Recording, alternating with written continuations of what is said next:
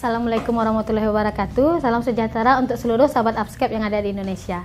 Sebelumnya perkenalkan saya Gina Rahmawati, salah satu tim tutor Upscape.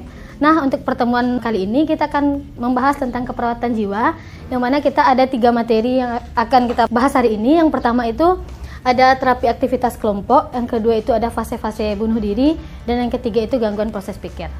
Nah, kita masuk kepada materi yang pertama yaitu terapi aktivitas kelompok. Ini kita berikan sesuai dengan diagnosa pasien. Ada itu pada PK, RPK, WAHAM, halusinasi, isolasi sosial, HDR, RBD, DPD, dan isolasi sosial serta HDR. Ini beda-beda TAK yang kita berikan. Yang pertama kita masuk kepada pasien dengan risiko perilaku kekerasan dan perilaku kekerasan. Kita akan memberikan terapi aktivitas kelompoknya berupa stimulasi persepsi. Di mana maksudnya stimulasi persepsi ini kita akan mengelompokkan, kita akan membuat satu kelompok pasien pelaku kekerasan. Jadi kita akan mengadakan satu kegiatan yang mana nanti hasilnya itu akan membuat persamaan persepsi pada pasien uh, perilaku kekerasan. Di mana pada uh, stimulasi persepsi ini ada lima sesi. Lima sesinya itu sesuai dengan SPPK. Bedanya dari ya bedanya yang pertama itu pengenalan tentang PK pengenalan tentang perilaku kekerasan. Lalu yang keduanya langsung masuk ke SP perilaku kekerasan. Itu untuk pelaku kekerasan dan risiko PK kalau untuk waham terapi aktivitas yang kita berikan yaitu terapi orientasi realita. Di mana untuk orientasi realita ini kita memiliki tiga sesi. Tiga sesi yang kita berikan yaitu orientasi orang orientasi tempat dan orientasi waktu Selanjutnya untuk pasien dengan halusinasi, TAK yang kita berikan stimulasi persepsi. Bedanya ini juga sama-sama 5 sesi. Bedanya ini sesuai dengan SP halusinasi. Sama dengan RPK yang sesi pertama itu tentang pengenalan halusinasi.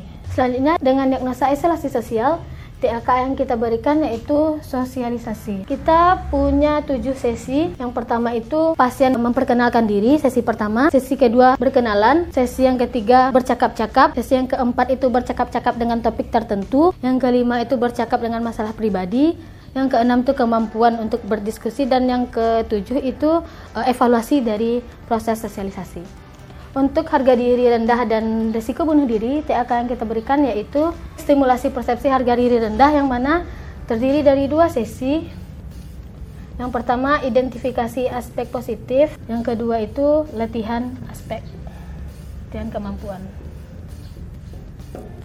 Untuk defisit perawatan diri, biasanya terapi aktivitas kelompok yaitu kita fokus pada pendidikan kesehatan. Fokus pemberitahuan informasi tentang bagaimana perawatan diri. Ada satu lagi, jika ada pasien dengan isolasi sosial yang menarik diri atau pasien dengan harga diri rendah yang disertai dengan kurangnya komunikasi verbal, maka biasanya terapi aktivitas kelompoknya bukan kita berikan sosialisasi, tapi stimulasi sensori. Mana stimulasi sensori ini bertujuan untuk merangsang panca indera pasien agar dapat merespon. Di mana sesinya ada tiga, yaitu yang pertama mendengarkan musik, yang kedua itu menggambar, dan yang ketiga itu menonton televisi ataupun video. Baik sahabat Upscape yang ada di seluruh Indonesia, sekian pertemuan kita pada hari ini mengenai keperawatan jiwa.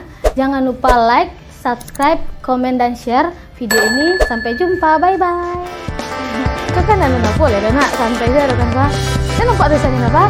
Ini agak sih, nampak, Pak? के